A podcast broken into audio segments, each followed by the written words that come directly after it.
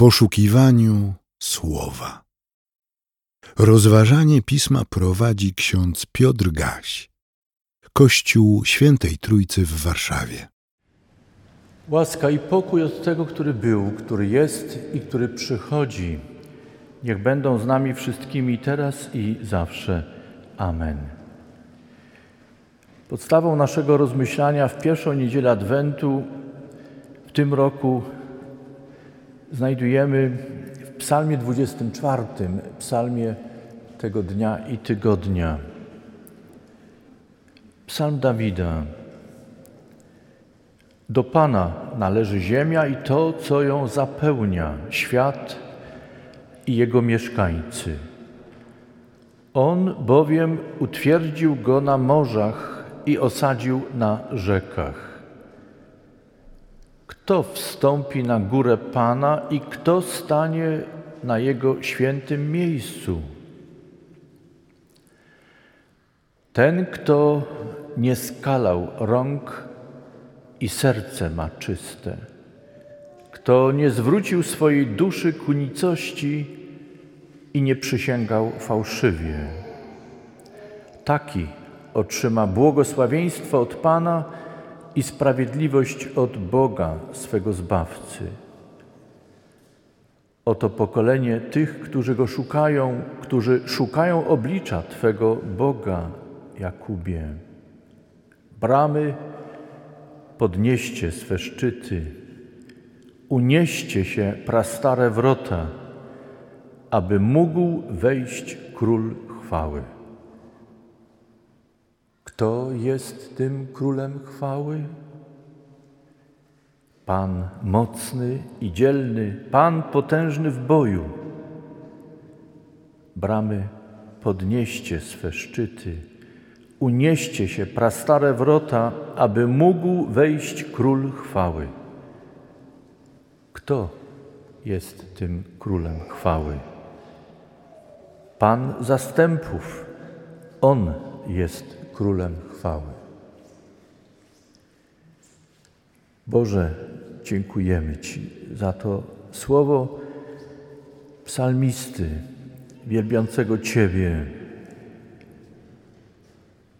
To świadectwo, które i nam przypomina, jak wiele wydarzyło się, jak wiele mamy powodów do wdzięczności, radości i wielbienia Ciebie.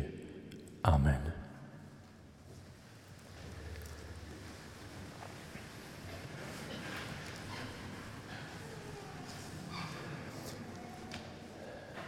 Niestety nie znamy melodii tego psalmu, ale znamy słowa.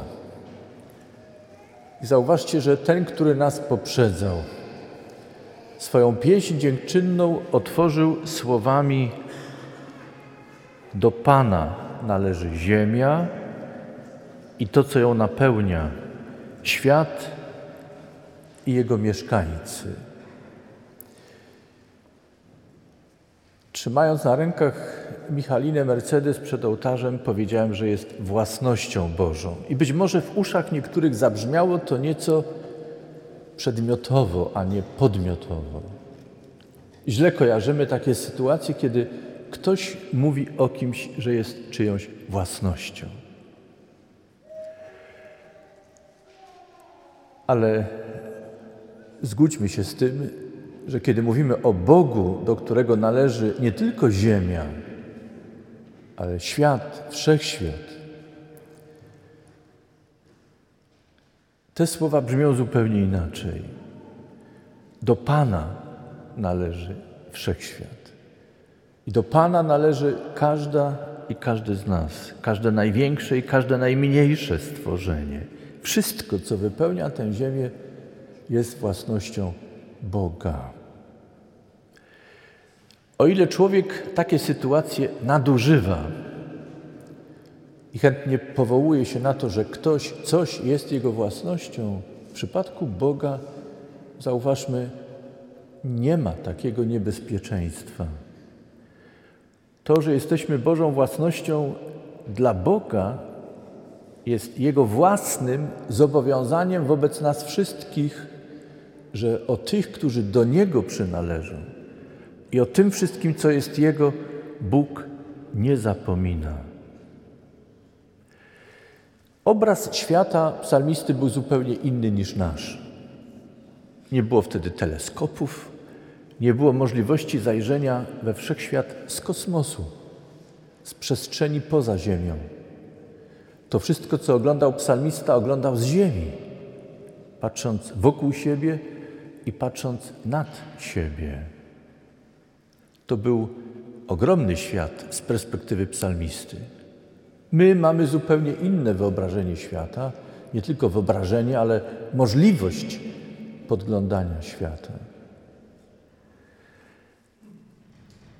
Wiemy, jak potężny jest świat. Jakże przepotężny musi być ten, który to wszystko uczynił, stworzył. A jednak psalmista w pewnym momencie zmienia swoją narrację i nie patrzy już z perspektywy człowieka, ale patrzy z perspektywy Boga. I wskazuje na to, że Bóg obrał sobie miejsce na tej ziemi i w przypadku czasów psalmisty stąpił na górę, objawił się na górze swojemu ludowi. Zapewne psalmista myślał tutaj także o świątyni.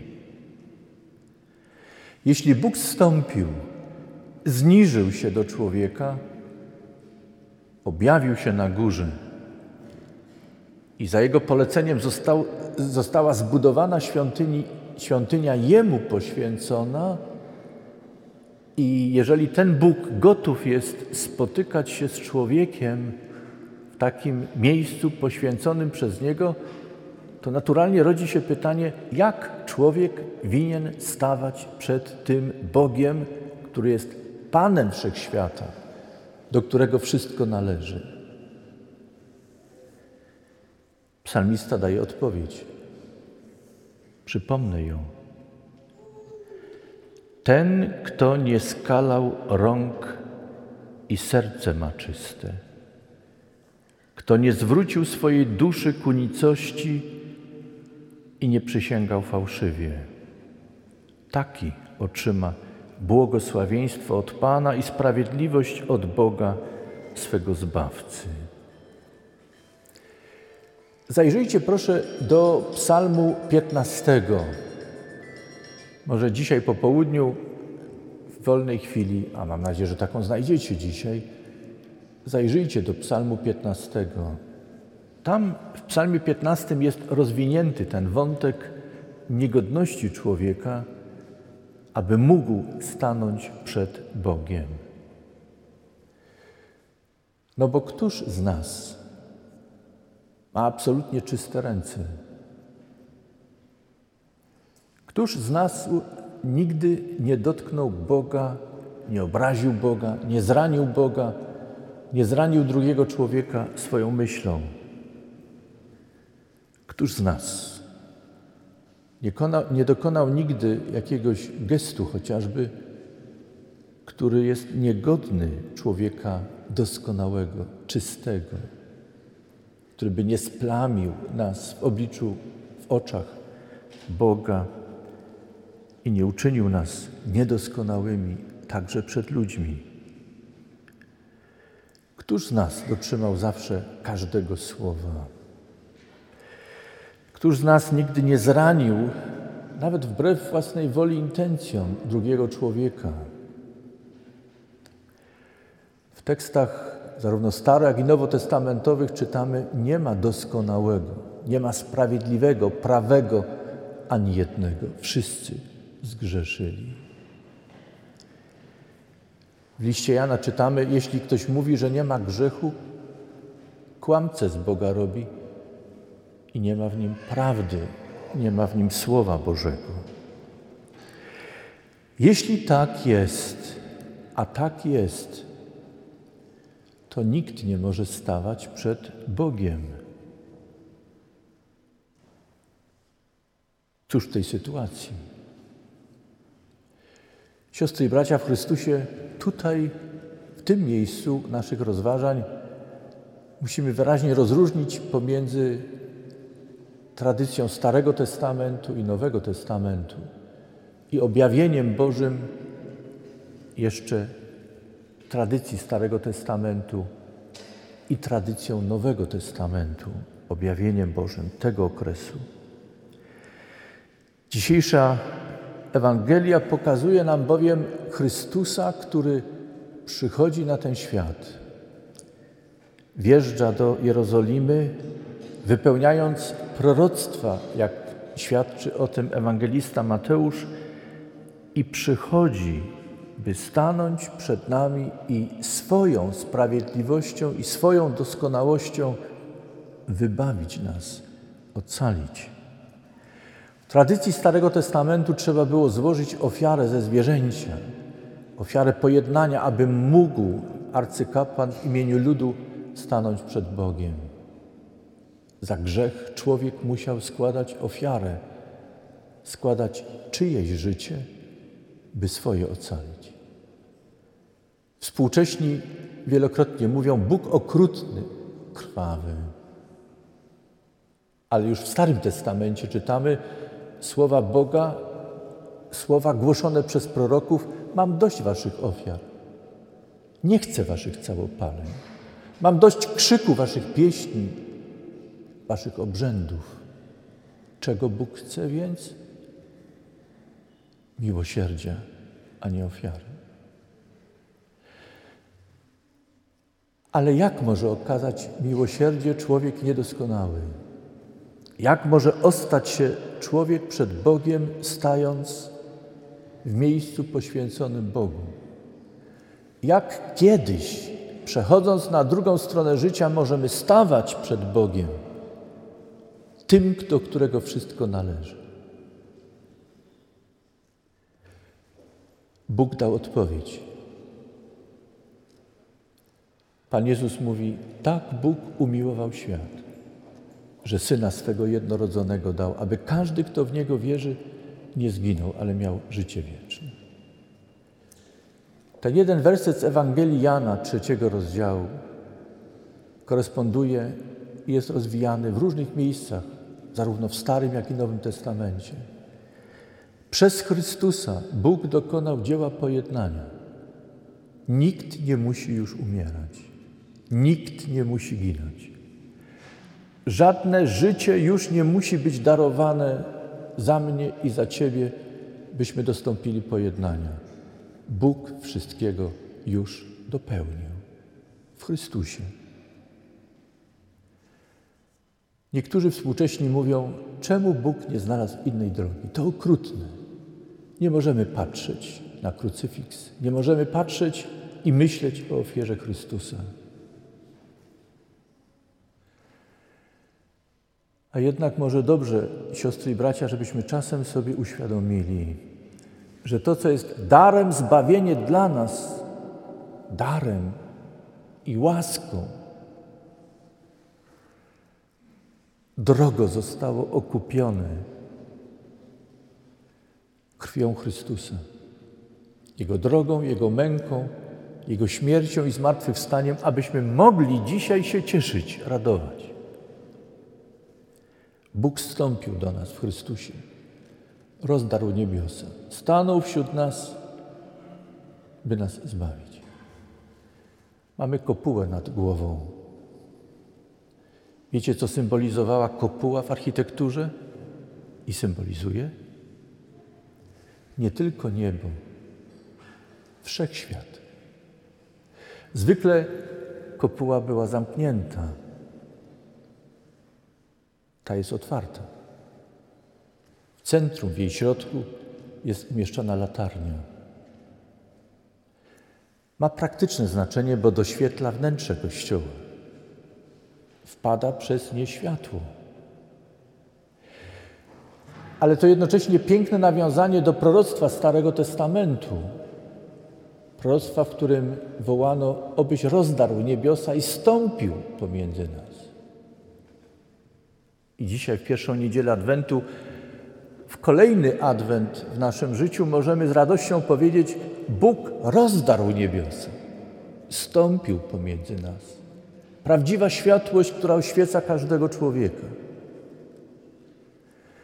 To światło, które przekazaliśmy rodzicom Michaliny Mercedes, nie było przypadkiem. Ono przypomina nam o tym, o darze światła, zbawienia, życia, nadziei. To wszystko mamy w Chrystusie. Psalmista mówi: Bramy podnieście swe szczyty, unieście się z prastare wrota, aby mógł wejść król chwały. O jakie wrota, jaką bramę chodzi? Wtedy myślano o świątyni, ale myśląc o świątyni, myślano również o człowieku. Otwarta brama, otwarte wrota to zawsze była, był wyraz otwarcia tych, którzy mieszkali za tą bramą albo stali przed bramą. Z tekstów nowotestamentowych wiemy, że my jesteśmy z woli Boga świątynią Bożą. Każda i każdy z nas. Nasze ciało jest świątynią Bożą. Stąd apostoł Paweł mówi: Kto niszczy własne ciało, niszczy świątynię Bożą. Pomyślmy o tym. Masz szacunek dla własnego ciała? Masz szacunek dla ciała drugiego człowieka? Jeśli nie, nawróćmy się. Każdy, kto niszczy świątynię Bożą, ciało swoje własne, ciało drugiego człowieka, niszczy to, co do Boga należy, jest Bogu poświęcone. Skoro tak jest, to powstaje pytanie, czy nasze życie, wrota naszego życia, naszej świątyni są otwarte dla Boga.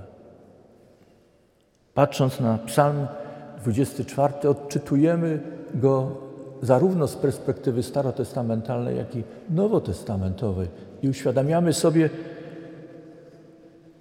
że jest potrzebnego coś, potrzebne coś niezwykłego, o czym nieraz nie myślimy. Ten Bóg, do którego wszystko należy, który stępuje pomiędzy nas, cicho stoi przed każdą i każdym z nas, by oferować swój dar zbawienia, życie wieczne. I każdą i każdego z nas zachęca, byśmy go przyjęli. Dlaczego po prostu nie wejdzie? Dlaczego po prostu nie rozbije tego, co jest w nas zamknięte, twarde, zaskorupiałe? Miłość nie czyni gwałtu. To jest odpowiedź. Miłość nie zmusza. Miłujący kocha, wychodzi naprzeciw. Tak jak Bóg uczynił to w Chrystusie, dał tego znak. A do Ciebie i do mnie zależy, należy to, co zrobimy dalej. Czy przyjmiemy ten dar, to Boże wyjście do nas, czy nadal pozostaniemy zamknięci. Niedawno przypominałem obraz namalowany, który przedstawia Chrystusa stojącego przed drzwiami i pukającego do tych drzwi. To motyw często występujący, ale ten obraz jest wyjątkowy. Wiecie dlaczego? Bo te drzwi od strony Chrystusa nie mają klamki. Ona jest od środka i tylko od środka. Artysta w ten sposób przypomniał: Do mnie i do Ciebie należy to, czy przyjmiemy naszego Pana. Mógłby nas złamać, zgnieść. Mógłby nas zetrzeć. Jesteśmy tylko pyłkiem w obliczu całego wszechświata, a jednak On, wielki i wspaniały, przychodzi do mnie i do Ciebie, puka i chce być nie tylko gościem, ale domownikiem Twojego i mojego życia. Amen. Przyjmijcie życzenie pokoju.